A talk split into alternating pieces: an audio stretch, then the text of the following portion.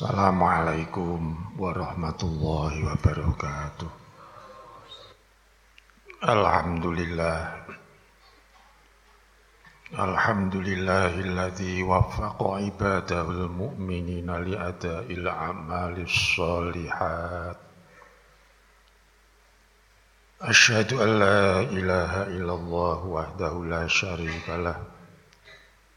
شهادة أرجو بها رفيع الدرجات.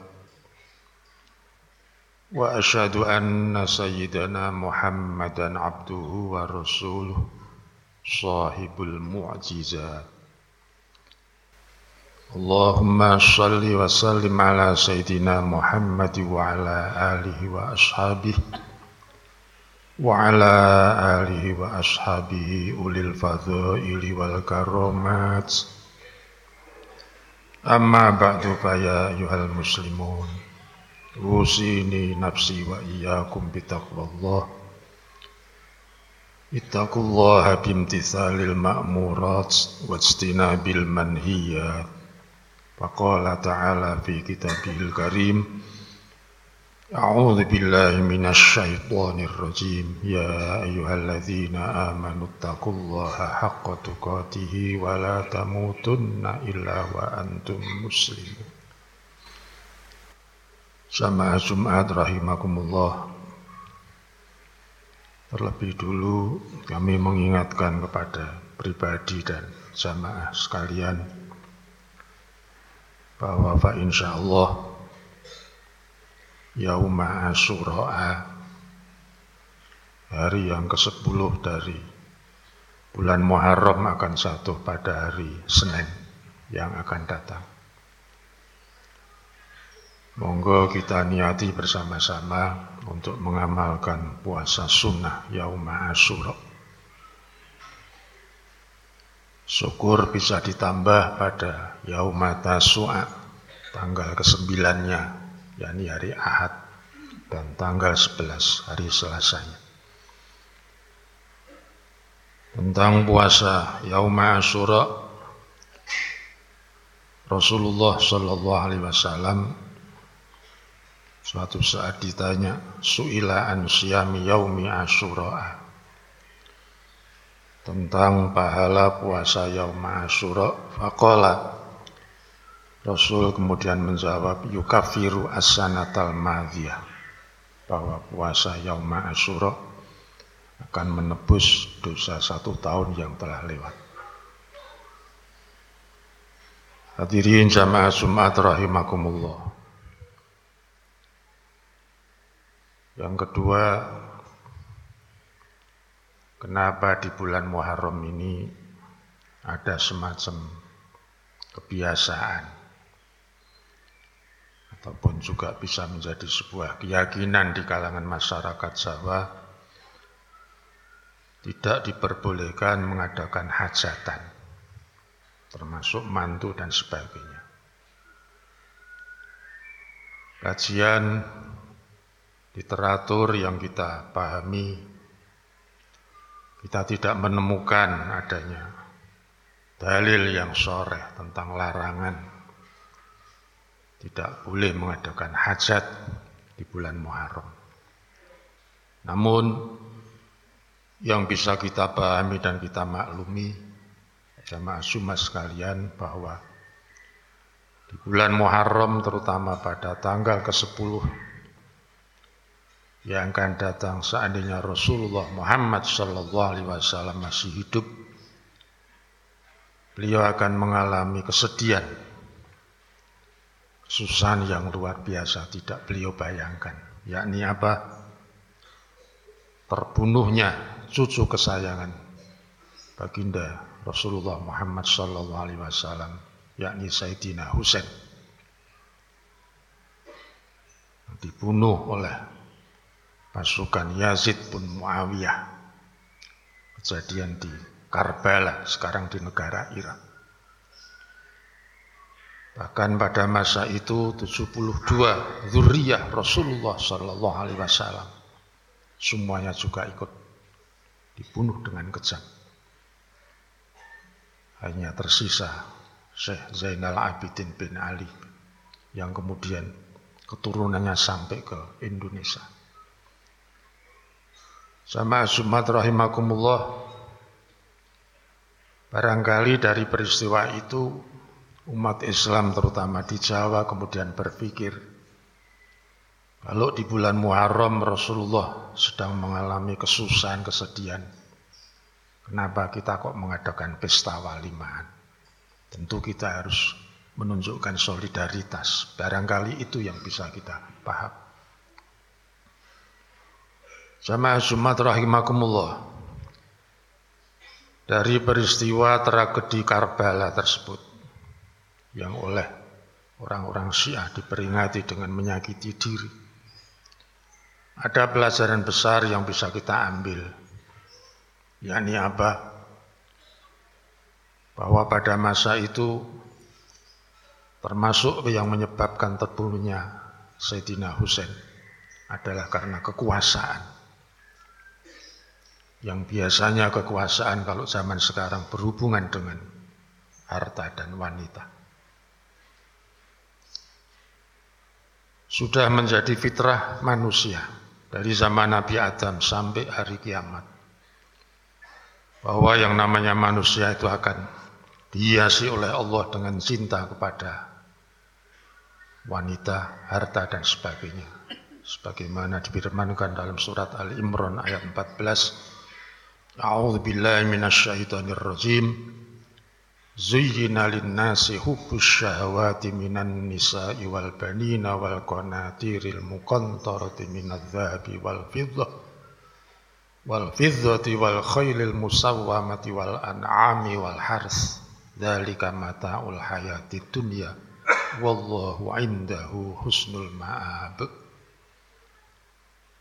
Dihiasi untuk manusia kecintaan pada apa yang diingini yaitu wanita-wanita. Anak-anak harta yang banyak dari emas perak, kuda pilihan, binatang-binatang ternak, dan sawah ladang. Itulah kesenangan hidup di dunia. Dan di sisi Allah lah tempat kembali yang paling baik, yakni surga. Artinya apa? Lumrah manusia syahwat kepada wanita, harta, dan nanti juga kepada kekuasaan, tapi harus waspada. Rasulullah Shallallahu Alaihi Wasallam dalam hadis yang lain, terutama berkaitan dengan kekuasaan, beliau sudah mengingatkan, innakum risunal imaroh, wasatakunu nadamatan yaumal kiamah. Besok kamu itu ambisi, kepingin menduduki sebuah jabatan. Termasuk kepingin menjadi presiden dan seterusnya. Tapi ketahuilah, semuanya itu nada matan yaumal kiamah akan menjadi penyesalan di hari kiamat. Jabatan kekuasaan amanah. Seandainya kita merasa mampu dan itu diberi, kita terima sebagai sebuah amanah ibadah. Tapi jangan kita inginkan, jangan kita ambisi yang kemudian menghalalkan segala macam cara. Yang kedua tentang harta. Siapa pun tentu kepingin yang namanya harta, pengen jadi orang kaya, mentereng dan sebagainya. Tapi harus ingat, innama amwalukum wa auladukum fitnah, wallahu indahu ajrun azim. Sesungguhnya harta-harta kamu dan anak-anak kamu itu bisa menjadi sandungan hidup ujian. Di hadapan Allah lah pahala yang banyak. Sahabat Ibnu Abbas pernah berkata, Ad-dunya ala salasati aksamin. Harta dunia dibagi menjadi tiga. Lil mu'mini, walil munafiki, walil kafiri. Bagi orang mukmin orang munafik dan orang kafir. Fal mu'minu yatazawwatu.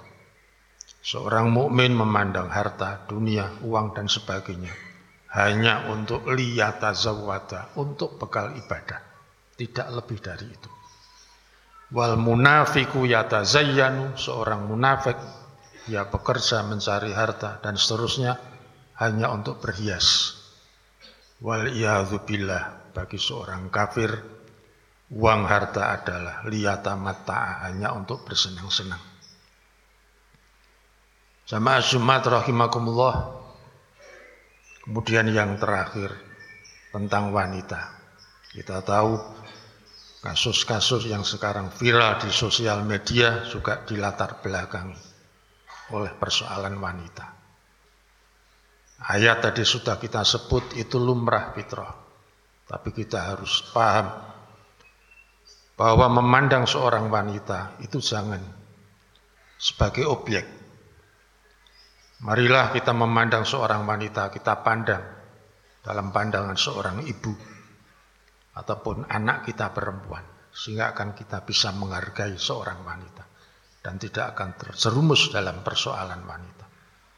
Semoga kita sekalian oleh Allah diselamatkan dalam kehidupan kita dari fitnah tiga hal tersebut. بارك الله لي ولكم في القرآن العظيم وهدانا وإياكم إلى صراط مستقيم أقول قولي هذا فاستغفر الله وتوبوا إليه إنه هو الغفور الرحيم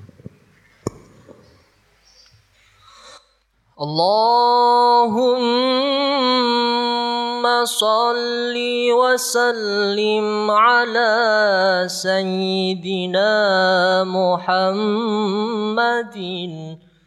وعلى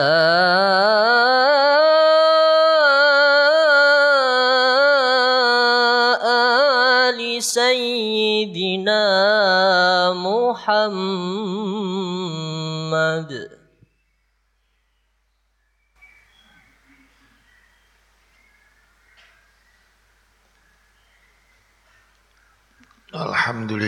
الذي هدانا لهذا وما كنا لنهتدي لولا أن هدانا الله.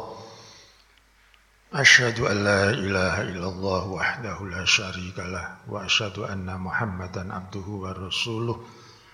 اللهم صل وسلم على هذا النبي الكريم سيدنا محمد وعلى آله وصحبه أجمعين. أما بعد فأعوذ بالله من الشيطان الرجيم.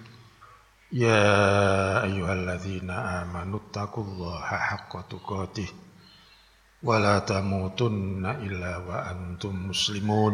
واعلموا أيها المؤمنون أن الله تعالى صلى على نبيه قديما وبدأ بنفسه تعليما وقال تعالى إن الله وملائكته يصلون على النبي يا أيها الذين آمنوا صلوا عليه وسلموا تسليما اللهم صل وسلم على سيدنا محمد وعلى آله وصحبه والتابعين أجمعين اللهم اغفر للمؤمنين والمؤمنات والمسلمين والمسلمات الأحياء منهم والأموات إنك على كل شيء قدير اللهم أرنا الحق حقا وارزقنا اتباعه wa arinal batila batila warzuqna istinabah Rabbana la tuzigh qulubana ba'da idh hadaitana wa hab lana min ladunka rahmah. Innaka antal wahhab.